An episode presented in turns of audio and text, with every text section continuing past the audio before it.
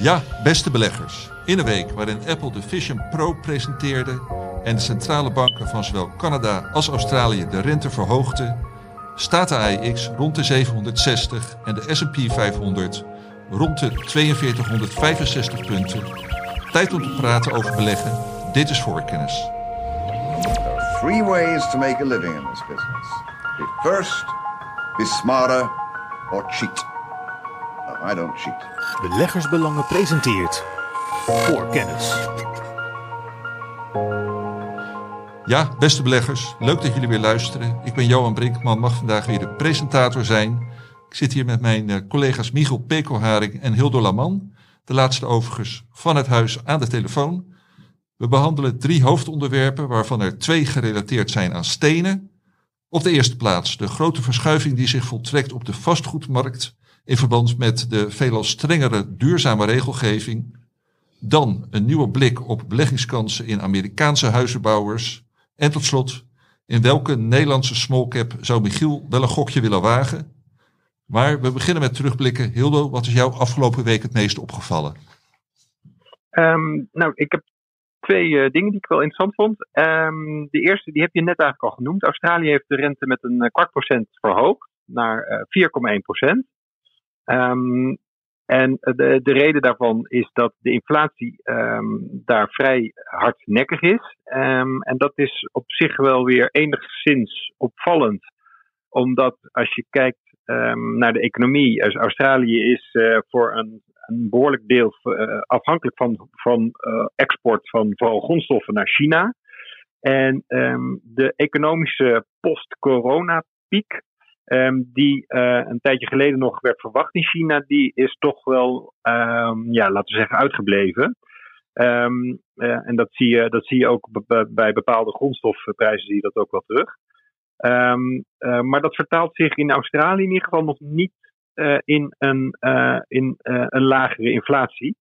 Um, en nou is Australië voor de beurzen, voor de wereldwijde beurzen. Hildo, want je zegt de, de post-corona piek die is in China uitgebleven. Maar ja, wat, wat is het verband met de inflatie in Australië daarmee? Nou, zoals ik al zei, um, Australië is een belangrijke exporteur uh, van, van onder andere grondstoffen naar China. De, de, Australië, de handelsrelatie tussen Australië en China is vrij sterk. Dus ook natuurlijk ook door de geografische ligging. Australië ligt een stuk dichter bij China dan, um, dan bijvoorbeeld uh, Brazilië, wat ook een belangrijke grondstofexporteur is.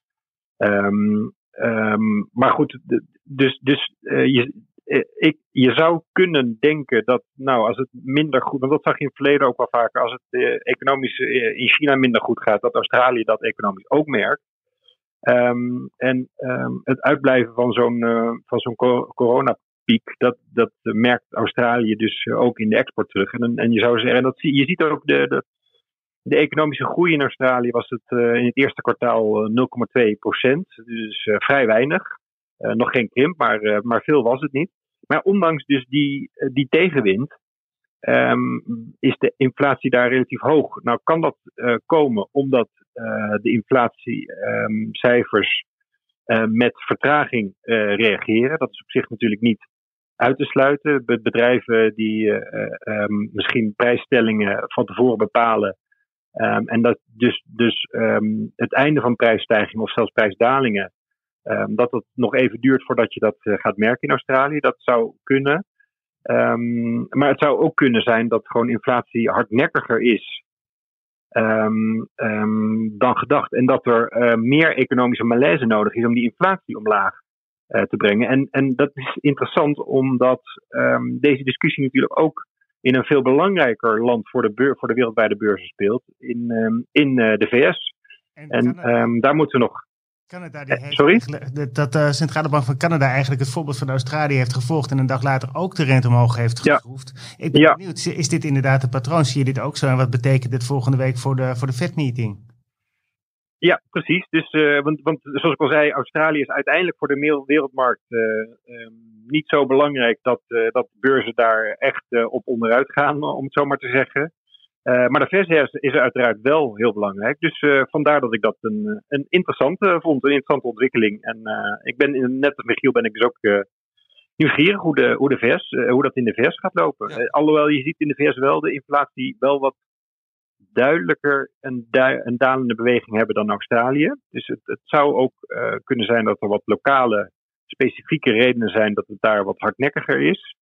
Um, maar evengoed is het iets om goed in de gaten te houden. Ja, het is wel grappig, punt... want uh, CME, dit is een beursplatform in de Verenigde Staten, die uh, heeft ook zo'n peiling op de website staan, CME FedWatch. En die prijzen nu een kans in van 30% dat de uh, Amerikaanse rente volgende week omhoog gaat. Een paar weken terug was dat nog minder dan 10%. Dus je ziet daar wel echt die verschuivingen komen. Ja, ja. Maar, maar dat, dat geeft ook aan hoe, want vaak is het rond deze tijd is het wel duidelijk hè, wat, er, wat er gaat gebeuren. Uh, en nu, men weet het eigenlijk niet. En ik, ik schaar mij onder men. Ik weet het eigenlijk ook niet zeker wat de Fed gaat doen. Want de economische schade van hoge rente, die is duidelijk. Zeker als je kijkt naar die middelgrote banken. Dat, dat verhaal weet in, inmiddels iedereen. Maar dat ziet de Fed natuurlijk ook. Die, denken, die moeten natuurlijk ook gaan afwegen. Um, welke, welke van de twee pijnlijke dingen hebben we het liefst? Ja, ja, en hier had inderdaad uh, vorige week uh, waarschijnlijk nog niemand rekening mee gehouden dat we nu weer in zoveel onzekerheid zouden zitten. jij had twee dingen die je wilde noemen, Hildo. Um, ja, iets anders. Wat afgelopen dinsdag kwam de brancheorganisatie SEMI, S-E-M-I, dus SEMI, van kort voor semiconductor, kwam naar buiten met um, een soort kwartaalcijfers voor de verkoop van chipmachines. En uh, die verkoop is met 9% uh, eh, gestegen. Um, dat is op zich niet zo heel gek als je bedenkt dat bijvoorbeeld um, uh, ASML, wat een hele grote, ook wereldwijd, niet alleen voor Nederland, maar ook wereldwijd is ASML een hele belangrijke grote speler. En die had gewoon een veel hogere omzet in het eerste kwartaal. Dus dat, dat werkt gewoon door in die cijfers.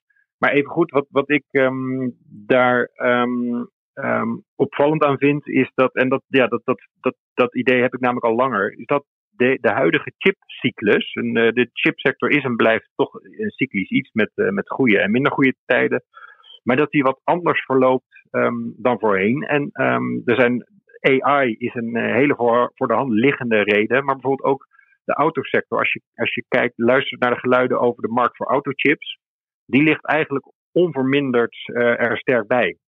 Uh, en uh, uiteraard, zoals ik al zei, uh, de, de, AI, dat is ook een belangrijke. Dus um, dat zijn twee factoren die ervoor zorgen dat die hele, ja, dat, dat de traditionele dip en vervolgens boom vervolgens, dat die nu wat anders, wellicht wat anders lopen dan, dan normaal. Dus, en, en, het zou ook zomaar kunnen dat het ook eerder, dat de dip eerder is afgelopen dan je zou mogen verwachten. Normaal duurt het, nou ja, één, anderhalf jaar, zo'n eh, zo'n dip. En eh, we zitten nu nog op geen jaar. En ehm, ja, het ziet er eigenlijk eh, helemaal niet zo, zo slecht uit voor de chipmachineleveranciers. Komt dat eigenlijk ook dus, um, omdat de dip als het ware wordt uitgesteld? Je ziet nu Europa en de Verenigde Staten die eigenlijk allemaal binnen hun eigen landsgrenzen dan die chip Precies, hebben. Ja.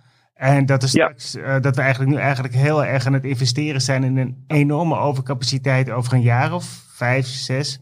Of verwacht je dat er tegen die tijd zoveel vraag weer is naar chips en zoveel nieuwe toepassingen dat dat zichzelf dan oplost? Nou, over, overcapaciteit, dat, um, dat, dat is inderdaad heel goed mogelijk. Maar um, als je kijkt naar wat er voor elektrificatie uh, en AI uh, en, en de zelfrijdende auto en nog een heel aantal andere ontwikkelingen. Als je bekijkt hoeveel chips er nodig zijn, um, dan is een flink deel van de capaciteit die erbij komt, die zal gewoon nodig zijn. Maar overcapaciteit is wel zeker een risico dat op de loer ligt. Uh, maar tegelijkertijd is het zo dat het kost echt jaren uh, voordat, uh, zeker die, die grote faciliteiten die nu gebouwd worden, jaren voordat die op volle kracht opereren. Dus de komende, laten we zeggen, de komende twee, drie jaar ben ik daar totaal niet bang voor, voor over, overcapaciteit. Um, daarna is het een kwestie van kijken, want het, ja, als je bekijkt de afgelopen, nou, laten we zeggen, vijf tot tien jaar, um, lagen de, de, de geschatte chipverkopen uh, uh, in de toekomst, uh, die lagen, bleken steeds vaak aan de wat lage kant te liggen. Um, en bijvoorbeeld ook ASML. ASML, als die met lange termijn verwachtingen komt, Um, de afgelopen tien jaar, um, zover ik me kan herinneren, hebben ze die eigenlijk alleen maar omhoog moeten bijstellen in plaats van omlaag. Um, dus, en dat, dat geeft maar aan hoe hard die markt is gegroeid. En, um, en het, het staat zeker niet, eh, niet stil. Die elektrificatie die we nodig hebben voor duurzaamheid, daar komen ook gewoon veel chips bij kijken. Al die zonneparken en windmolenparken, daar zijn ook gewoon ontzettend veel chips voor nodig. Um, en de zelfrijdende auto's. En hebben we het nog niet eens over AI. Dat is een golf die nu uh, ineens een, een tandje hoger is gaan, gaan lopen. Dus er is gewoon ontzettend veel vraag naar, naar chips. En, en voor AI is het dan ook nog eens belangrijk dat om dat echt op wereldwijde schaal uit te kunnen rollen, um, zijn zeer energie-efficiënte chips nodig. En dat zijn over het algemeen de allernieuwste chips. Want de wat oudere, die zijn vaak, die slurpen gewoon vaak simpelweg te veel energie om AI echt op grote schaal in te kunnen zetten. Ja, ja die chips kosten ook iets van 80.000 per stuk. Dat zijn echt belachelijke bedragen. Ja, uh, uh, ja.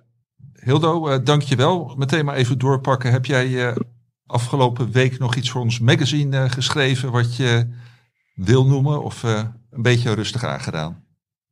Ik heb een beetje rustig aangedaan. Oké, nou dat is mooi, want uh, je hebt al uh, interessante dingen genoemd. En we moeten ook nog naar de hoofdonderwerpen. Maar eerst uh, geven we natuurlijk Michiel de gelegenheid om terug te blikken op de afgelopen week. nou, wat mij eigenlijk opvalt is dat alle ja, een paar van de grote hypes tijdens de coronaperiode eigenlijk doorgeprikt worden. Want wat zie je in de Verenigde Staten gebeuren? Daar gaat de SEC nu heel hard achter uh, Binance en Coinbase aan. Echt de Amerikaanse toezichtshouder uh, ja, bedoel je? ja, rond de SEC. Die gaat achter uh, de, de bitcoin en crypto platformen aan. En dat waren eigenlijk de populaire beleggingen. En je ziet op zich dat die cryptomunten, dat bitcoin zich bijvoorbeeld wel vrij stabiel blijft. Maar dat die, al die, die platformen, dat daar toch best ja, steeds meer onder vuur komt te komen te liggen. Wat op zich voor de lange termijn een mooie ontwikkeling is hoor. Want uh, hoe beter die sector uiteindelijk gereguleerd wordt, hoe minder wildwest het wordt en hoe groter het uiteindelijk kan worden, hoe groter het op de lange termijn kan groeien.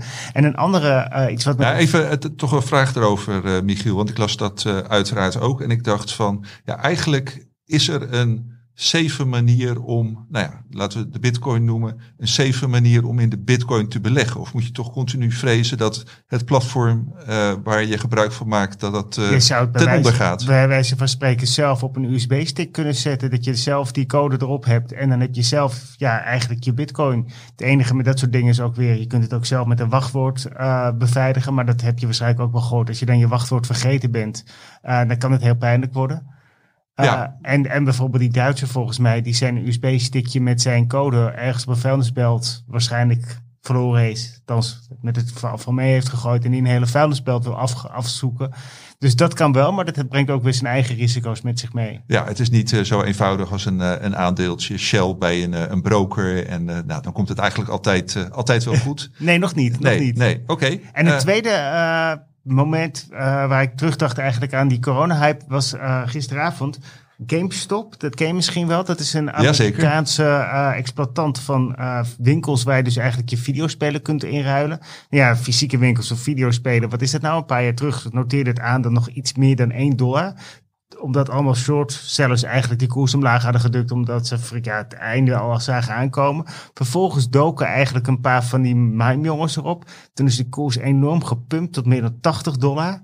Uh, en uh, het bedrijf is bestaan, heeft zich eigenlijk doorontwikkeld. Maar gisteravond zouden ze uh, kwartaalcijfers publiceren. In plaats daarvan hebben ze de cijferpublicatie uitgesteld. En de topman is ontslagen en is vervangen door een activistische belegger, Ryan Cohen. Die eigenlijk al een poosje met het bedrijf bezig is. Dus je ziet daar nu ook opeens dat van alles en nog wat echt, echt ruzie in de tent. één grote chaos. Ik zat net even te spieken. het aandeel was, nou was gisteravond was er geen handel. Maar vanmorgen was het meteen 20% eraf vermogen in de Verenigde Staten. Dus eigenlijk al die dingen van, van ja, corona, daar komt nu eigenlijk de terugslag van. Ja, en uh, nou, dat is voor uh, betrokken investeerders niet prettig. Uh, voor ons als mensheid denk ik wel dat we hier gezellig dicht bij elkaar in de studio kunnen zitten. Michiel en in volle treinen, et cetera. Uh, en uh, ja, Michiel, heb jij het ook rustig aangedaan voor het magazine afgelopen week? Of heb je toch nog iets geschreven? Ik heb wel wat, wat, dingen geschreven, met name over HSBC. Dat is een grote, je denkt, ze staan in Londen genoteerd, een Britse bank. Maar een heel groot deel komt uit uh, Azië van de omzet en de resultaten. En het is ook eigenlijk in China ontstaan zelfs, ruim 150 jaar geleden. wat je nu ziet is dat er eigenlijk een paar nieuwe ja, bestuurders daar aan het roer staan. En die zaten onder flinke druk van de Chinese uh, verzekeringsmaatschappij Ping An, die met een belang van 8% een van de grotere investeerders is. Die wilde het bedrijf liefst opsplitsen in een Chinees bedrijf en een bedrijf voor de rest van de wereld. Logisch, ja, het voelt het een beetje wel aan, omdat uh, heel veel van de machtsstrijd tussen het Westen en China uitgespeeld wordt ook door, ja, via partijen zoals uh, eh, HSBC. Want de, de, de, topmensen daar zeiden ook van als die spanning oploopt, dan ben je opeens weer een buitenlander. Dan moet je een paar weken langer wachten op goedkeuring in bepaalde dingen dan, uh, ja, dan, dan lokale partijen. Uh, maar ze, ze willen het eigenlijk toch gewoon op hun eigen manier doen. Gewoon rustig bepaalde landen de rug toekeren. Ze hebben al bepaalde activiteiten uitgebouwd. Ze stroomlijnen de organisatie. Het aandeel is aantrekkelijk gewaardeerd. Dus daar heb ik een mooi verhaal over gemaakt. Ja, en dat uh, gaan wij uh, in de show notes uh, zetten. Dank jullie wel voor deze terugblik, Michiel en Hildo. Voor kennis. Zijn we goed op schema voor het eerste hoofdonderwerp, de, de, de vastgoedmarkt, de regelgeving daar en de druk die dat op die sector zet. ja, Michiel, jij hebt dat onderwerp aangedragen. Kun je, kun je eerst een beetje om afbakenen wat nou in dit opzicht de vastgoedmarkt inhoudt? Uh, dat kan ik absoluut. Het deel waar ik over wil praten is de Amerikaanse kantorenmarkt. En waarom is dat van belang? Nou, begin dit jaar heeft Morgan Stanley heeft een rapport naar buiten gebracht om aan te geven dat daar best wat problemen in zijn. Omdat er uh, best wat schulden uh, geherfinancierd moeten worden. En zoals iedereen die een hypotheek moet ja, oversluiten wel gemerkt heeft, dat is een stuk lastiger als de rente een stuk hoger ligt. En de, de, de onrust binnen dit marktsegment wordt aangewakkerd door een paar opvallende ja, faillissementen eigenlijk. Uh, een paar grote kantoren die leeg zijn komen te staan. Um, en ja, de bedragen die er ook mee gemoeid zijn. Het is iets van 3000 miljard dollar uh, die de komende jaren uh, opnieuw eigenlijk geherfinancierd moet worden. En als dat die ja, vastgoedpartijen niet lukt, dan, uh, ja, dan, komt er behoorlijk wat leeg te staan. En dan zijn er best wat, wat problemen ook voor, nou niet alleen die partijen, maar ook wat erachter zit. Um, ja, wat, wat gebeurt er op die vastgoedmarkt? Nee, is dat ook wel gemerkt hebben. Steeds meer mensen werken vanuit huis. Dag Hildo.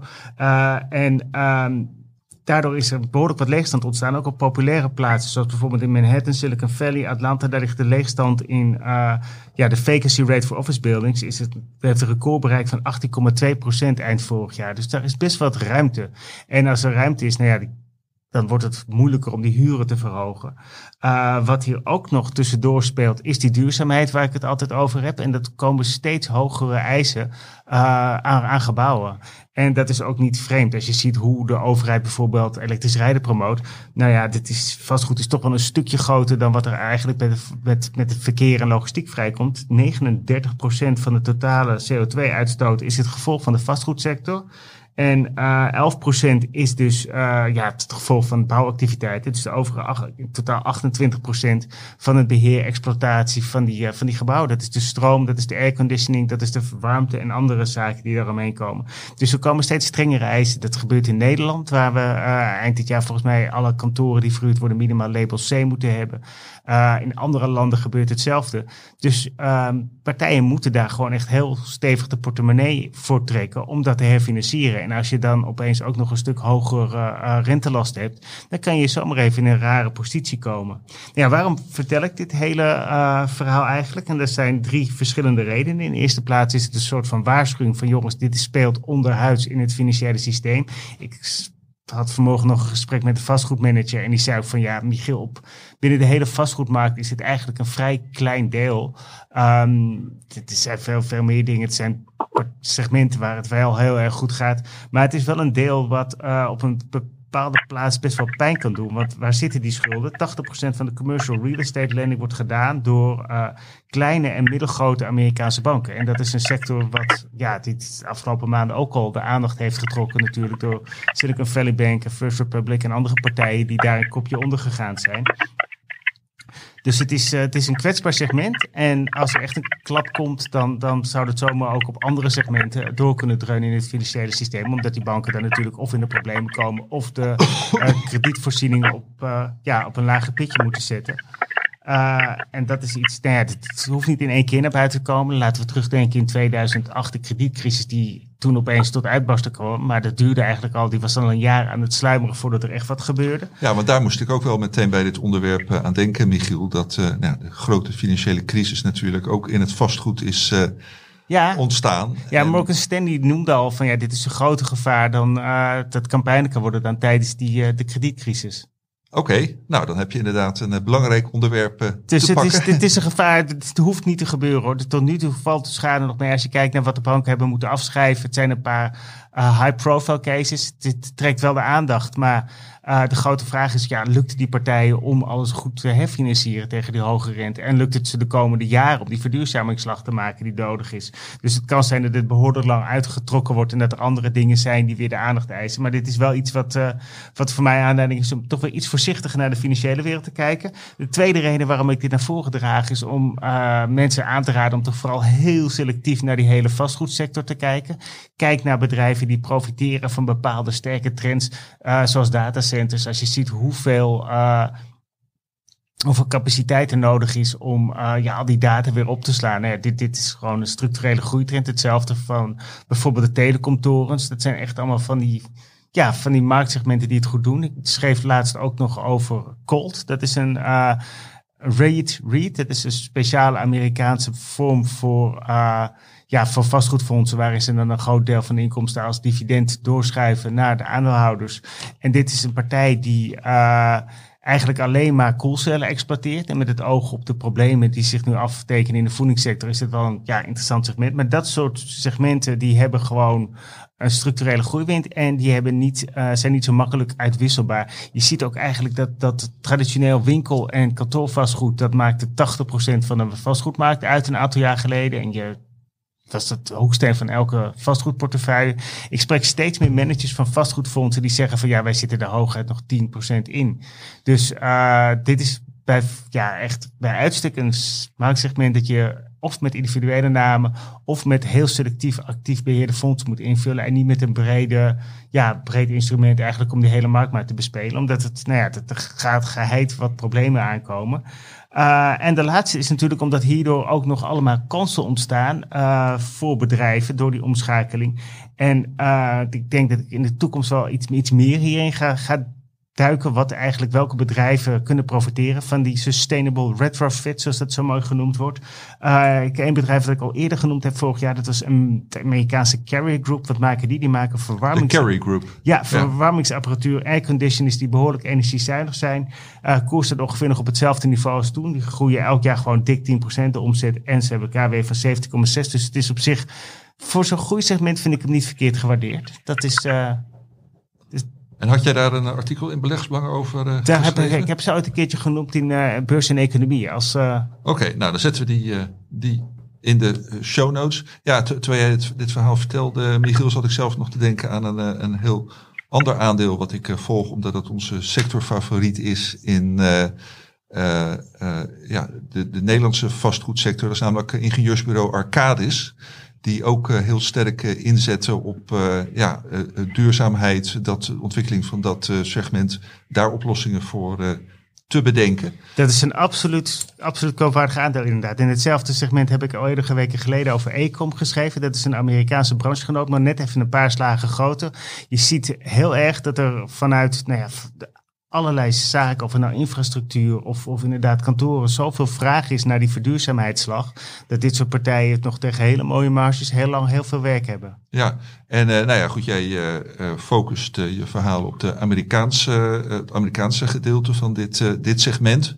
Maar goed, we weten dat zeker ook in Europa er met vastgoedpartijen nogal wat problemen zijn. nou, kijk alleen maar al naar Zweden, waar een aantal belangrijke partijen in problemen is gekomen. Zie jij eh, ook in Europa het gevaar dat die problemen in de vastgoedmarkt, dat die ja, banken onder druk gaan zetten? Uh, ja, ik weet niet of het per se via banken gebeurt. Het wordt ook vaak. Het, het financiële systeem onder druk gaan zetten, zie jij dat? Uh... Ik weet niet of dat zo snel gaat. Ik heb de, de, de, de kwetsbaarheid van die kleine lokale banken en middelgrote Amerikaanse banken, die is natuurlijk wel een stuk groter dan veel Europese banken. Die zijn een stuk beter gecapitaliseerd en die moeten ook regelmatig stresstests uh, ondergaan, waarbij ook dit soort problemen tegen het licht gehouden worden. Dus ik zie dat niet zo 1, gebeuren. En met name als je dan kijkt naar de Nederlandse banken zoals ING en ABN, die kredietportefeuilles, die bestaan vooral uit hypotheekleningen. En uh, de, de, ja, het residentiële gedeelte is toch wat anders dan het kantoorgedeelte. Zeker ook als je naar de Nederlandse woningmarkt kijkt. Daar uh, ontstaat niet zo gauw uh, ja, leegstand als wat er op de kantoormarkt gebeurt. Dus dat zal niet via, via dezelfde weg gebeuren. Ik denk wel dat de Europese vastgoedsector nog wel een moeilijke tijd tegemoet gaat. Hoor. Ja, ja. maar hij zit dus wel als een ja, sluimerende Amerikaanse vastgoed. Dit is iets wat onder, onderhuids ja, niet, niet helemaal goed zit. Hier nee, moet, nee, nou, helder verhaal. Dankjewel, uh, Michiel. Voor kennis. Hildo, jij wilde het uh, volstrekt toevallig ook over stenen hebben uh, uh, deze podcast. En uh, dan ook nog weer in de VS. Maar goed, dat is natuurlijk voor de financiële markt uiteindelijk de belangrijkste markt. Maar dan ja, wel vanuit een andere hoek benaderd, namelijk vanuit de huizenbouwers, waar jij je ook al eerder in hebt verdiept. Wat kun jij daarover zeggen? Ja. Ja, nou, dat, ik heb daar twee jaar geleden een artikel over geschreven over beursgenoteerde huizenbouwers. Uh, en daar heb ik uh, toen ook drie Amerikaanse aandelen getipt. En um, dat was in 2022 was dat niet zo'n zo'n succes, laat het zo zeggen. Um, maar dit jaar um, doen die Amerikaanse huizenbouwers het erg goed op de beurs. Als je kijkt naar de Amerikaanse huizenbouwers ETF, die heeft fondscode XHB, daar staan dat soort aandelen in. Uh, die staat dit jaar op een koerswit van, uh, van bijna 25% Daarmee komt het in de buurt van, uh, van eh, technologie-ETF's, die dit jaar ook een behoorlijke vliegende start hebben gemaakt. Um, en dat is natuurlijk wel opvallend, omdat iedereen weet van de hogere rentes, vooral ook in Amerika. En een hogere rente betekent een duurdere hypotheek. Ehm, dus jou, dus je zou misschien zeggen dat dit helemaal niet zo'n eh, zo'n eh, goede tijd is voor die, voor die huizenbouwers. Um, um, en op zich, uh, als je naar de resultaten kijkt, is het ook allemaal, allemaal net wat minder. Um, maar het is niet dramatisch. dus ik vond dat wel een, een, interessant, een interessant onderwerp. En een, een belangrijke oorzaak, uh, naar mijn mening, is een beetje hetzelfde als in, uh, in Nederland. Er is eigenlijk een uh, tekort aan woningen. In Nederland gaat het er nou eigenlijk zo'n beetje elke dag in het nieuws over een woningentekort. Maar in Amerika is er eigenlijk een, een vergelijkbaar, een vergelijkbaar probleem. Alhoewel misschien niet één op één vergelijkbaar, maar het, um, het, het fenomeen is, is er is daar ook. Uh, na de huizencrash van, laten we zeggen, 2007, 8 en 9, is het uh, herstel van, uh, van de nieuwbouw heel erg langzaam geweest. In de show notes komt um, hopelijk, als het goed is, een, een grafiek waarin je dit goed kan zien. Die, die huizenbouwmarkt, die, um, die schommelde voorheen uiteraard ook flink. en dat, maar dan zie je dat um, na een, een paar slechte jaren, één of twee slechte jaren, ontstaat er weer vrij snel een piek. Dan weer een paar jaren en dan, uh, en dan kukelt het hele zaakje weer in en zo schommelt het verder. Maar wat je zag in, um, uh, uh, na de vorige huizencrash, was dat het echt jaren geduurd heeft voordat de nieuwbouw weer op een enigszins normaal niveau zich heeft bevonden. Er is dus jarenlang veel te weinig gebouwd als je bekijkt wat er eigenlijk in een gemiddeld jaar nodig is. In, in de VS is, zijn er uh, gemiddeld uh, eh, 1,2 miljoen nieuwe huishoudens per jaar. Dat, dat is voornamelijk uh, bevolkingsgroei. Um, maar ook een, een, langzaam steeds kleiner wordend aantal personen per huishouden. Dat, dat speelt ook mee. Maar goed, er zijn ongeveer 1,2 miljoen nieuwe huishoudens. Dus ook 1,2 miljoen nieuwe huizen zijn er nodig. Um, en dan komt daar eigenlijk nog bovenop de huizen die gesloopt worden, uh, of die afbranden of wat dan ook. Um, dus je hebt per jaar meer huizen nodig. Nou, die 1,2 miljoen uh, per jaar, en dat is dus eigenlijk al te laag. Dat is jarenlang niet gehaald. De afgelopen jaren zit het wel, wel weer daarboven, zo'n anderhalf miljoen. Maar dat is dus eigenlijk net genoeg um, om, om, de, uh, om, de om de vraag van nu te voldoen, maar de achterstand die is opgelopen, um, die, um, uh, die wordt eigenlijk niet. Uh, ik, ik krijg wat piepjes. Horen jullie mij nog? Ik hoor je uitstekend, uh, Hildo. Ik krijg ah, oké. Okay. piepjes. Nee. Ik heb nee, oké, okay. dan is er niks aan de hand. Nee, ik heb trouwens al een vraag, Hildo. Van, kun je daar ja. ook een, een, een, cijfer aan hangen aan die achterstand die ondertussen is ontstaan? Ja, dat is, dat is moeilijk te zeggen, maar um, de, hoe, hoe je dat, en die grafiek heb ik ook opgestuurd, hoe je dat goed kunt zien, is uh, de, er wordt ook uh, bijgehouden wat de, het aantal huizen wat dat op een bepaald moment te koop staat. En dat wordt dan uitgedrukt in maanden. Um, en dat, dat doen ze, en dat moet je dan zo lezen dat het aantal huizen dat op, op een willekeurig moment, of het meetmoment eigenlijk, op het meetmoment te koop staat, um, daar, daar, schatten ze dan, uh, dan, dan, gaan ze ervan uit van, nou ja, elk huis wordt gemiddeld binnen, weet ik veel, zes weken verkocht. En dan kijken ze, hoe lang duurt het als er geen nieuwe huizen meer op de markt komen om al die huizen uh, te verkopen? Hoe lang ben je dan bezig om die huizen te verkopen? En dat wordt dus uitgedrukt in maanden. En normaal um, is, die is dat aantal maanden, dat, dat ligt zo rond de 4 à 5. Um, uh, en de laatste jaren ligt dat veel lager, ergens onder de 3 richting de 2. En op dit moment is het 2,9. Dus uh, het, het, aantal uh, beschikbare huizen, dat ligt dus aanmerkelijk lager dan normaal op de markt. En dat is gunstig voor de huizenbouwers, omdat mensen dus nu, mensen die een huis willen kopen, ondanks de hoge hypotheekrente, dus nu dus sneller um, naar een nieuwbouwwoning uh, gaan kijken in plaats van een bestaande woning, omdat daar het aanbod gewoon uh, erg uh, laag is. En dat is, um, en dat is dus die, de laatste jaren is dat, um, is dat, ja, is dat duidelijk geworden.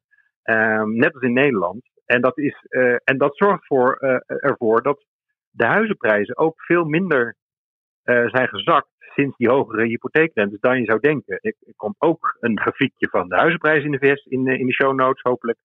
En dan kun je zien dat, dat er wel een dipje is in de huizenprijzen. Maar er is um, uh, in, in de verste verte geen sprake van een daling zoals je die zag in um, 2007, 2008, 2009. Um, toen er echt flink, flink wat afging van, van de Amerikaanse huizenprijzen. En nu heb je het echt over enige procenten die eraf zijn gegaan ondanks de veel hogere rente. Um, maar goed, over die rente. Kijk, ten opzichte van de afgelopen tien jaar is de rente nu ineens, uh, de hypotheekrente nu ineens erg hoog. Maar als je het iets breder trekt, dan is uh, de hypotheekrente nu um, in Amerika niet zo absurd. En uh, dat, het is natuurlijk wel zo dat, dat, dat het voor mensen even wennen is. maar wat je bijvoorbeeld ook ziet, is dat, en dat is ook een reden waarom het aanbod van bestaande huizen zo klein is op de markt heel veel mensen met een, uh, met een, die een hypotheek met een lage rente nu hebben, die blijven zitten waar ze zitten. Dus de nieuwkomers op de, op de huizenmarkt, die zijn dus sneller aangewezen op, uh, op nieuwbouwhuizen. En dat merkt bijvoorbeeld uh, Group, dat was een, um, mijn favoriete aandeel. Uh, Group in, in, in de VS, fondscode in de, voor de VS is, is PHM. Um, en dat, uh, dat aandeel staat dus nu ook op een, uh, op een uh, all-time high. Um, en die merken zelf dat het aantal specs wat ze verkopen, um, dat dat heel hoog ligt. En dan zal ik even uitleggen wat die specs zijn en hoe dat komt. Specs, dat zijn huizen die ze bouwen zonder dat ze op het moment dat ze beginnen met de bouw een koper hebben voor dat huis. En daarom dat is dus uh, dat is riskant en daarom worden het speculatives genoemd. En die speculatives, dat wordt dan afgekort tot specs. Uh, maar je begint dus gewoon als huisbouwer op een stuk grond. Uh, begin je gewoon een huis te bouwen. en als het af is, hoop je het te kunnen verkopen. En wat je dus nu ziet, is dat heel veel Amerikaanse kopers het liefst dat soort huizen kopen. want dat heeft namelijk nog een voordeel. Ze hoeven, als ze, op het moment dat ze kopen, kunnen ze meteen het huis in, kunnen ze meteen een hypotheek afsluiten Um, en, dan hoeven ze, en dan hebben ze dus ook meteen zekerheid over de rente die ze moeten gaan betalen. Um, en um, als je als Total Group ziet nu een flink deel van de, van de omzet uit die specs uh, komen. En dat komt dus door die hele situatie. dus wat je niet ziet, is dat die huizen, huizenmarkt uh, helemaal instort, die, nieuw, die nieuwbouwhuizenmarkt. Maar dat, dat er verschuivingen plaatsvinden in wat mensen kopen, wanneer mensen kopen. Um, Eh, maar niet dat het uh, helemaal instort. En dat, uh, dat zie je ook aan de resultaten. Die zijn wel allemaal ietsje minder, want er zijn ook wel degelijk kostenproblemen voor die huizenbouwers. dus er zijn nog steeds hier en daar um, tekorten aan bepaalde producten. Bijvoorbeeld transformators voor de, voor de elektriciteitsvoorziening van huizen. Daar is een tekort aan. En um, arbeid is nog steeds duur. Um, bouwhout, dat de lumber, zoals dat in het Engels heet, dat is wel goedkoper, een stuk goedkoper geworden. Maar andere kosten die zijn nog wel hoog. Ehm, maar per saldo zie je dat, dat de cijfers behoorlijk goed zijn. Ehm, en ondanks die, die als ik dan even bij Pultigroup uh, mag blijven, ondanks uh, die, die flinke koersstijging is, is de, de KW nog eigenlijk best wel laag. En zeker als je het vergelijkt met het, met het verleden. Um, het, in de afgelopen 30, 40 jaar was de KW gemiddeld genomen ongeveer 13. Um, en um, nu staat hij op ongeveer 8. en dat is terwijl die het all-time high staat. Um, dus ik denk ook niet dat het, uh, dat het met deze piek in, dat het direct gedaan is. Op hele korte termijn kun je altijd na zo'n flinke stijging kun je altijd een soort pauze of een kleine terugslag krijgen. Maar ik denk dat er op, op zeker op de wat middellangere termijn dat er nog wel rek zit in, in die koersen van, die, ehm, van, van dit soort Amerikaanse, Amerikaanse huisbouwers. Ja, ja. en ja, de, situatie zoals ehm, Michiel die omschreef op de kantorenmarkt, uh, nou, dat is tamelijk uh, ongezond. En ja, zoals jij uh, de huizenmarkt omschrijft, Hildo, ja, lijkt zich wel een redelijke balans tussen, tussen vraag en aanbod langzaam te ontwikkelen. Omschrijf ik dat goed? Ja, het ligt, het ligt wel wat lager. Het, de, de, volumes liggen zeker wel wat lager dan, dan voorgaande jaren. Dat komt door die, door die hogere rente en dat is ook logisch. Uh, maar voor de huizenbouwers is het, niet, um, is het niet zo dramatisch als je zou mogen verwachten. Daar komt het in het kort op neer. Ja. Het is ook wel grappig eigenlijk, omdat je gewoon heel verschillende delen van die markt hebt. Natuurlijk kantoren en woningen over elkaar. Als je bijvoorbeeld kijkt naar het oude KPMG-gebouw in Amstelveen, daar worden eigenlijk kantoren nu omgebouwd tot woningen. Dat zie ik ook wel uh, meer gebeuren. Maar wat mij ook opviel, Hilde, ik weet niet of jij dat ook gezien hebt, dat er uh, heel veel bedrijven, heel veel uh, ondernemingen die bouwen allemaal nieuwe productiecapaciteit als gevolg van het Build Back Better programma van Joe Biden. Dat eigenlijk elke, elke plaats waar je iets kunt gaan bouwen, een fabriek of zo, dat, daar wordt nu iets gebouwd. En um, dus waren volgens mij ook iets van 1,1 miljoen ba banen bijgekomen in de constructiesector. Ja. In hoeverre zie jij dat als een probleem? Die krapte op die arbeidsmarkt daar. Gaat dat niet uh, ja, eigenlijk de, de, de ja. zorgen dat die huizenbouwers en andere partijen ook binnen dit segment gewoon hun beloftes, hun uh, voorspellingen hun niet, niet, niet waar kunnen maken?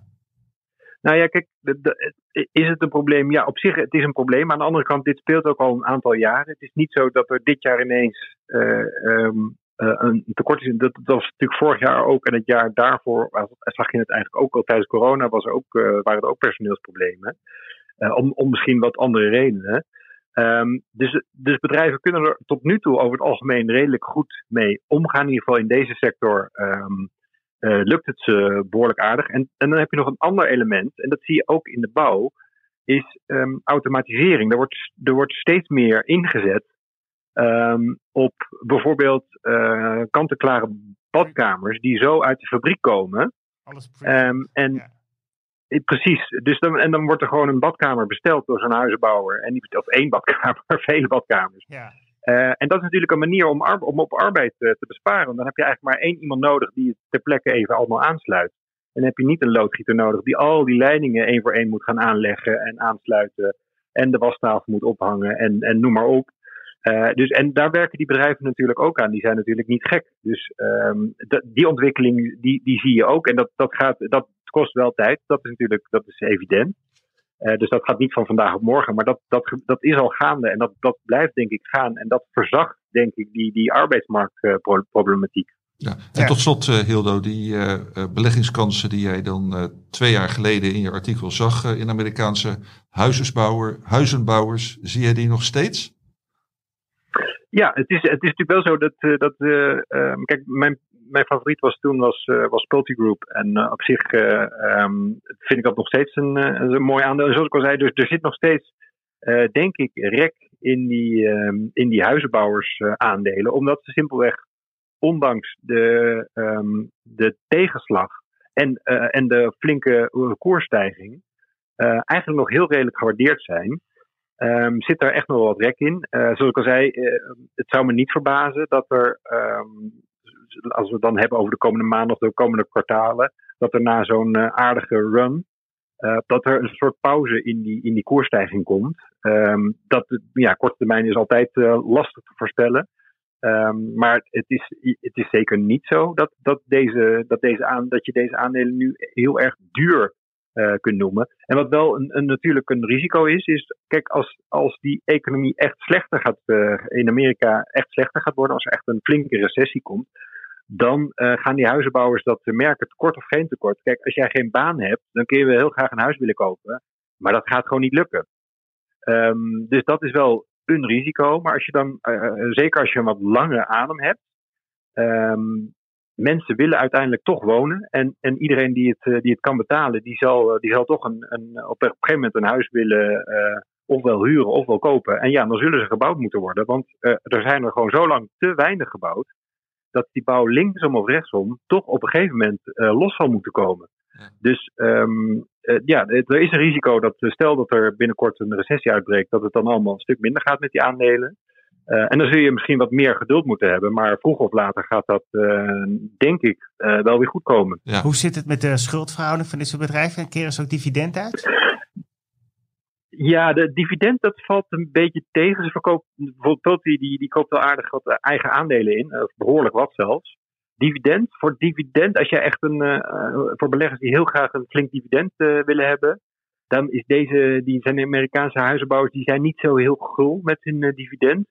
Dus um, daar zou ik zelf dan, als je, ja, voor, voor de echte dividendbeleggers zijn deze, denk ik, deze aandelen wat minder geschikt vanwege toch wat lage uitkeringspercentages. En wat betreft de schulden, Um, dat, daar, dat ziet er gewoon uh, uh, nu eigenlijk uh, betrekkelijk goed uit. Veel beter dan bijvoorbeeld zo'n 15 jaar geleden tijdens die grote huizencrash. Ja. Um, daar hebben ze van geleerd. Um, dus ze zijn nu beter, beter gefinancierd. Ze zijn minder kwetsbaar voor, voor, die, voor die rentebewegingen en voor afnemende vraag. Um, dus het ziet er nu ook, uh, ook een stuk beter uit dan, uh, dan toen. Ja. Dat ziet het geldt trouwens ook voor de huizenkopers. Ik weet nog toen dat je van die ninja-loans had. No income, no job, no assets, geen probleem. Iedereen kreeg een lening. En zoals je net al aangaf, dat is nu wel anders. Dus we hebben wel degelijk wat geleerd ja. van die hele, hele kredietcrisis. Johan? En uh, is er nou ook een, een ETF, Hildo, die jij zo uit het blote hoofd kan aanraden... die dit soort bedrijven volgt voor mensen die niet in een individueel aandeel willen beleggen? Nou, ja, dat, er is dus een Amerikaanse ETF, zoals ik al zei, die XHB. Alleen, dat is helaas, uh, zoals bekend uh, bij waarschijnlijk onze meeste luisteraars, dat de Amerikaanse ETF's die zijn um, helaas niet beschikbaar. En ik heb geen Europese ETF kunnen vinden um, uh, voor Amerikaanse huizenbouwers. Um, nee, nee, dan toch geen dus, nee. delen. Dat, dan is het niet anders. Oké, okay. nee. dankjewel Hildo. Voorkennis. Ja, alweer het uh, derde hoofdonderwerp. Uh, Michiel die uh, voelde zich geïnspireerd door een eerder item aan deze tafel over small caps. Die liet daar zijn gedachten over gaan. En nou, die kwam toen bij een, een Nederlandse small cap uit waar die ja, wel wat mee zou willen. Michiel? Ja, ik zat hier enkele weken geleden met Menno en die had het inderdaad over beleggen in small caps en vooral over de risico's die daarbij komen kijken. En ik ben eens gaan denken van ja, ik ben niet heel erg van de small caps, maar één aandeel uh, wat, wat ik eigenlijk wel heel intrigerend vind, dat is Avantium. En ik ben er ooit een keer geweest. En heb ik het echt al een jaar geleden voor een interview met een financieel topman en een rondleiding daar. Uh, wat, wat doet Avantium? Het is eigenlijk een soort van uh, uitvindings fabriekje op uh, ja, chemisch gebied. Ze zijn uh, in 2000 zijn ze losgekomen van Shell. Daarvoor ontwikkelden ze voor Shell een soort van katalysatoren waarmee je eigenlijk je uh, kunt kijken op welke wijze je de olie raffineert. Van hoe ga je het ruwe product verwerken tot benzine of andere zaken. En de kennis die ze daarbij hebben opgedaan, die, die, die zetten ze op steeds meer manieren in. En wat de ja, komende tijd het meest tot de verbeelding gaat spreken, is een hele grote fabriek voor de YXI-technologie. Uh, wat doen ze daarmee? Daarmee zetten ze eigenlijk op basis van plantaardige suikers maken ze bouwstenen voor bioplastic, oftewel polyethyleenfuronaat, oftewel PEF, als vervanger voor de bekende petflessen onder meer. Uh, ze hebben ja, naam gemaakt met enkele grote klanten die daar uh, straks gaan afnemen. LVMH, Ambev, um, andere partijen. Maar goed, die fabriek die moet nog gebouwd worden. Die wordt dit jaar gebouwd. Waar wordt die gebouwd, Michiel? Delfzijl wordt die gebouwd. In Delfzijl. En die heeft een capaciteit van zo'n uh, 5 kiloton. Dat is niet heel hoog. Ze wilden eigenlijk veel hoger inzetten. Dat deden ze samen met Bas F. Maar die is in 2018 eruit gestapt. Toen hebben ze ook een gigantisch uh, ja, financieringsprobleem gekregen. Ze hebben de doelstellingen bijgesteld. En ze, ze, zijn nog steeds hard bezig om kapitaal te vinden. Want als je eigenlijk uh, kijkt naar de onderneming, dit is een uh, pot van geld en geleend geld, waarmee ze eigenlijk die fabriek gaan bekostigen. Want ze hebben verder nog geen fabriek of activiteiten die winst maken? Of... Uh, ja, wel wat, maar het, is alles wat staat of valt de komende jaren met deze fabriek. En uh, dat merk je ook op de wijze, wat ik de luisteraars van kan aanraden, is eigenlijk de analisten uh, ja, call van de jaarcijfers de, de, erbij te pakken. En alle de aandacht gaat daarin ook uit naar de financiering en vooral hoe ze erbij zitten. Want eigenlijk uh, kwam daaruit naar voren dat ze 15 tot 25 miljoen extra nodig hadden om alles goed op de rails te krijgen. Nou hebben ze wel veel dingen gefinancierd. En dat klinkt wel vertrouwelijk zoals ze dan zeggen. We have plenty of liquidity to see us through all of our planned investments and operational costs voor 2023. Oftewel, we hebben genoeg geld om dit jaar vooruit te kunnen. Maar eh, één seconde later zeggen ze... Um, we continue to evaluate and look into alternative sources of funding. En waarom doen ze dat? Ze hebben een robuuste balance sheet willen ze hebben uh, om ja, gewoon de financiering van nieuwe groei, om goede uitstraling te hebben naar partners, naar klanten. People need to see Aventium as a substantial player who's going to be around for the long term. In andere woorden, we zouden liever nog wat extra geld hebben. En de laatste weken wordt er dan ook of ja, verschillende keren al gezinspeeld op een nieuwe aandelenuitgifte die eraan zit te komen. En ja, dat is een van de redenen waarom het aandeel ze nu en dan wel een, uh, ja, de, de, de koers behoorlijk volatiel is. En Ja, want, want waar staat het nu? Waar komt het vandaan? Uh... Ik heb even zitten kijken. Het staat nu ongeveer op 3,5 euro. En uh, in 2017 was het nog ruim 10 euro. Dus het is, uh, het is een heel lang verhaal. En de ellende is van na dit jaar weten we nog steeds niet hoe we nou ervoor staan. Dat gaat in 2024 gaat de fabriek ja, eigenlijk van start. En heb ik zitten kijken van ook tijdens die, die call leggen ze uit van ja, het is niet dat we op de knop duwen en dat het werkt. Het is niet drie maanden of zes maanden. Het gaat echt 12 tot 24 maanden duren voordat we echt op capaciteit zitten. En het is ook nog een soort van proeffabriek. Dus als het uh, eenmaal draait, dan hoef je ook niet hele bergen geld te verwachten. Het is meer dat ze dat concept dan kunnen gaan verkopen aan andere partijen die dit heel groot kunnen uitrollen. En er zijn natuurlijk wel meer ondernemers. Ja, want dat, dat, ja? dat zat ik me af te vragen naar, uh, bij jouw verhaal. Van zouden ze dat in licentie uh, kunnen, ja, kunnen gaan geven? Dan, ja, dus ze hoeven niet zelf allemaal te financieren hoor. Het is meer als ze dit hebben, het is een soort van biotechbedrijf. Je, uh, als je eenmaal dit hebt, als je eenmaal die technologie hebt, dan het is een succes. En je kunt het tegen heel uh, gunstige voorwaarden produceren, zowel financieel als uh, qua, qua milieu. Dan, dan kan je dit zo een licentie geven. En dan staan chemische bedrijven te popelen om of die licentie af te nemen of om Avantium over te nemen. Want ze hebben een beurswaarde van zo'n 150 miljoen. Stel dat gaat wat omhoog door, door een goede gang van zaken, dan is het alsnog een kleine vis. En het mooie is van dit bedrijf, en daarom spreekt het mij ook zo tot de verbeelding, dat ze niet alleen die, uh, deze technologie hebben, ze hebben veel meer. Ze hebben ook een uh, de heette, zogeheten Dawn Technology, waar ze mee bezig zijn. En die kan, uh, dat, dat zit als het ware cellulose in, om in glucose. Wat heb je daaraan? Ze zijn nu bezig met een proef om kleding te recyclen. Je hebt bijvoorbeeld katoen, dat wordt een cellulose. Polyester kan gerecycled worden. En dat is best wel een groot probleem als je bedenkt wat er met heel veel oude kleding gebeurt. Het wordt simpelweg niet afgebroken. Iedereen heeft het over die, die grote uh, plastic massa op de oceanen. Uh, in in Latijns-Amerika heb je ook een grote, grote gebieden die gewoon vol liggen met kleding. Dat is eigenlijk hetzelfde, want we weten gewoon niet wat we ermee uh, mee moeten. En dit is een voorbeeld, van zo'n slim bedrijfje dat eigenlijk allerlei uh, ja, technologieën ontwikkelt om de problemen waar we nu mee kampen eigenlijk aan te pakken. Ander voorbeeld is de Volta-technologie. Die vangt CO2 af. Die zet het om in mierenzuur, oxaalzuur en glycolzuur, als ik het goed heb uh, ja, opgeschreven. Maar dat is, ja, dat is ook weer zoiets natuurlijk, zeker ook met de focus op CO2. Het punt is alleen de weg om zo'n mooie technologie om te zetten in een uh, werkend product en om daar daadwerkelijk aan te verdienen, die is echt heel erg lang. Ik moet eigenlijk een beetje denken aan de biotech aandelen waar ik ook wel eens over schrijf, dat je dan eigenlijk verschillende fasen moet doorlopen. Nou, dit heb je dan niet dat je de werking en de veiligheid moet uh, ja, laten zien. Maar het is veel meer van ja, in hoeverre is dit schaalbaar en werkt die technologie die we in het lab hebben ook in het echt. Dus het is. Het is ja, voor beleggers met een, een lange adem, maar wel met een ja, in principe enorme potentie. Absoluut. Ik, ik, ik zou het het liefst omschrijven als het aandeel waarvan ik over een jaar of vijf was, mogelijk mezelf op, voor mijn kop sla dat ik het nu niet gekocht heb omdat het 200, 300 procent hoger staat. Maar de kans erop is 30, 40 procent, schat ik in. Dus het zou ik zomaar kunnen, ja, waarschijnlijk nog een stuk lager, dat het, ja, dat, dat het alles uiteindelijk anders loopt, dat er operationele tegenvallers komen. Het kan op allerlei manieren, kan, kan er iets gebeuren. Maar de activiteiten en de wijze waarop dit bedrijf bezig is, dat, dat spreekt me heel erg tot verbeelding. Ik heb er wel een zwak voor. En uh, het, het, heeft momenteel een houdenadvies. En dat komt ook deels ook omdat ik die financiering wil afwachten en eigenlijk een beter instapniveau wil afwachten. Ja.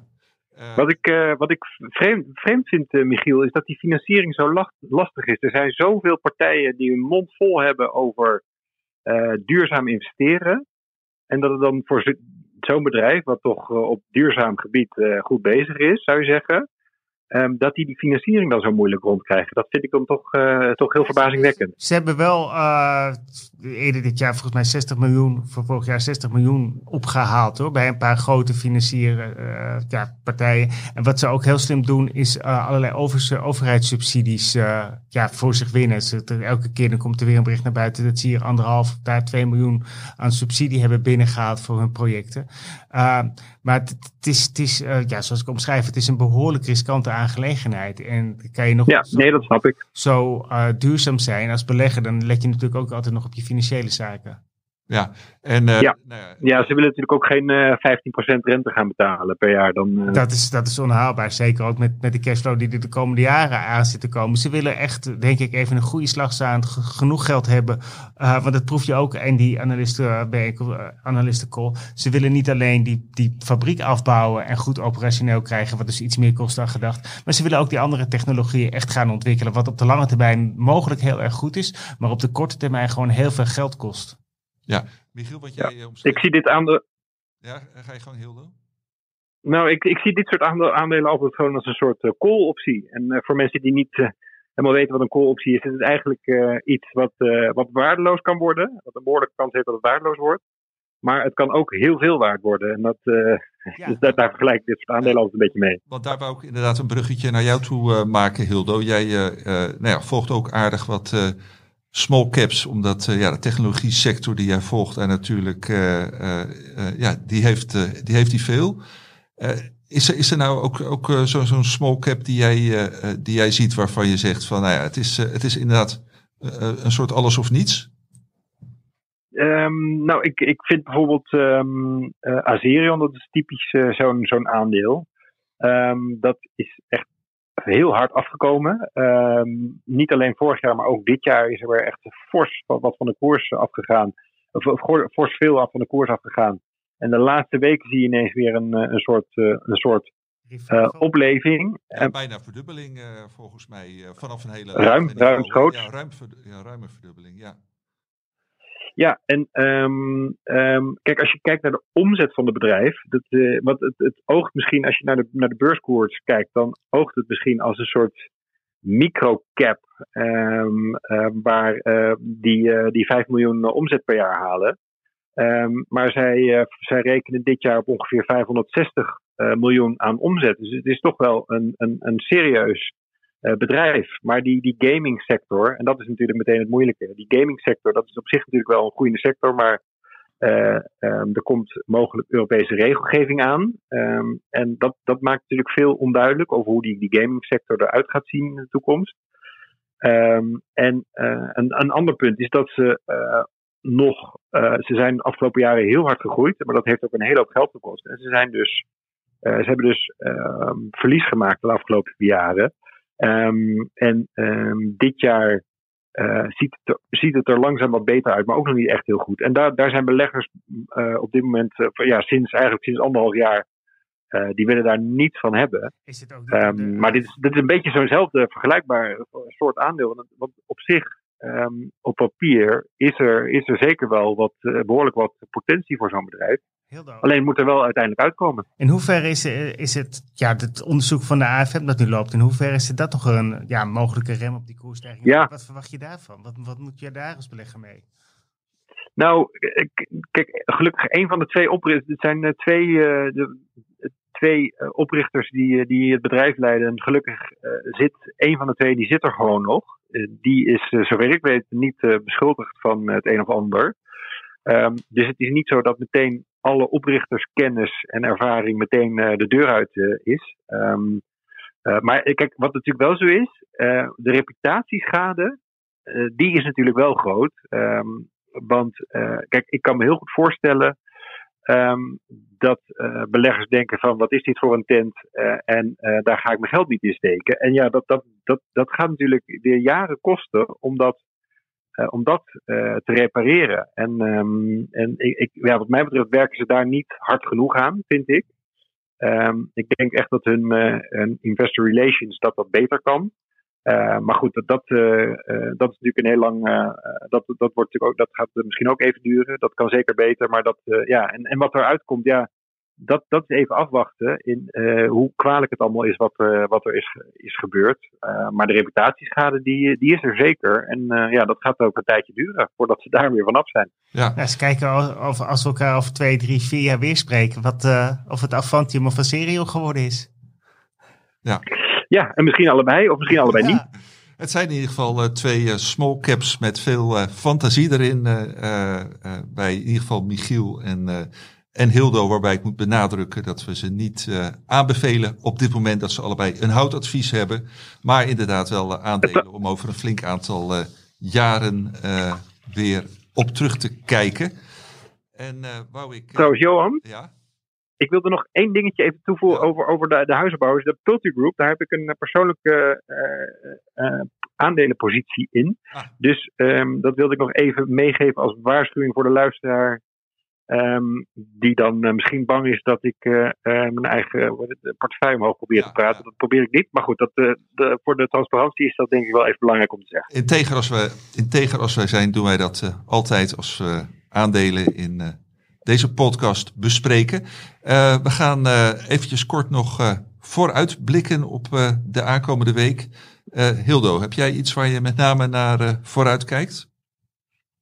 Ja, de, um, kijk, we hebben het er net over gehad. Wat voor mij, en ik heb het al vaker gezegd, maar wat, wat, wat uh, denk ik voor de beurs gewoon echt heel belangrijk is, is uh, het Amerikaanse uh, rentebeleid. En uh, daarom dus hoe het met de inflatie um, gaat verlopen. Um, en in het verlengde daarvan of er wel of geen recessie aankomt. Want dat, dat is gewoon heel erg uh, belangrijk. Komt er, komt er binnenkort een recessie aan? Recessie uh, ja, dan kukelt het. Je, uh, in de VS, ja. Ja, ja. ja, dit, ik heb het al eens vaker gezegd van mijn podcast, maar uit mijn onderzoeken blijkt dat een, dat een recessie in Europa, of een recessie in een aantal landen in Europa, dat dat voor de wereldwijde beurzen niet zo gek veel uitmaakt. terwijl een Amerikaanse recessie, dan, dan, dan kukelt de hele boel in elkaar, overal. Um, omdat Amerika gewoon zo'n zo'n belangrijk land is voor de economie en voor de beurs. Um, dus ja, dat, het, het, is een beetje een eentonig verhaal, maar dat is en blijft nu voor de komende kwartalen toch wel echt, uh, denk ik, de belangrijkste factor voor de grote aandelenindices uh, en de, de, richting van de beurzen. En dan uh, volgende week weer een vet meeting, denk ik. Ja, hij was um, woensdagavond, is hij toch? Ja, ja, woensdagavond, ja. Dus dat is iets om voor alle beleggers om naar uit te kijken. Uh, Michiel, waar kijk jij uh, met name naar? Qua belang voor de financiële markten kan ik hier natuurlijk nooit tegenop. Maar waar ik zelf wel heel erg naar uitkijk is de ronde tafel van beleggersbelangen die voor volgende week gepland staat. En voor dinsdag, hier op kantoor. Absoluut. Ik, kijk, ik vind het altijd heel leuk om de uh, ja, strategen te spreken. En ik was een uitnodiging aan het maken. Thans, ik was nog even een bevestiging aan het maken. En ik had het er ook over van ja, het, bedacht me. Um, de afgelopen jaren was het heel duidelijk waar we het over zouden hebben. Het was inflatie, het was recessiegevaar. En nu merk je dat heel veel van die dingen nog een beetje spelen. Maar je hebt niet echt iets nieuws. Dus ik ben wel benieuwd. Nou ja, wat, wat vinden ze bijvoorbeeld van kunstmatige intelligentie? En ik ben heel benieuwd om te horen uh, waar zij nu naar kijken. En wat zij naar zo'n goede aandelen, half jaar, wat we eigenlijk nu achter de rug hebben, verwachten voor de tweede helft. Ja, en uh, nou, uh, Michiel heeft dat gesprek met de strategen van, van de Nederlandse banken en brokers heeft hij volgende week dinsdag. En dat staat al een, een week later dan in de beleggersbelangen, toch Michiel? Dat staat uh, volgens mij niet één week, anderhalve week later. Nee, in ieder geval uh, mocht, mocht, eind, mocht u eind deze maand. Mocht u als lezer nog, uh, of als kijker of luisteraar nog, nog dingen hebben die we misschien mee kunnen nemen of die we aan het panel voor kunnen leggen, dan kan het eventueel via de e-mail naar de redactie van Beleggersbelangen. Dan kijk ik of, de, of ik dat ook kan, kan aansnijden in het gesprek. Ja, ja. Nou, mooi bruggetje naar mijn afsluiting, Michiel. Uh, want uh, uh, volgende week dan zit ik hier met Stefan Hendricks en Karel Merks. En ook die heren hebben altijd input nodig van jullie beste luisteraars en kijkers.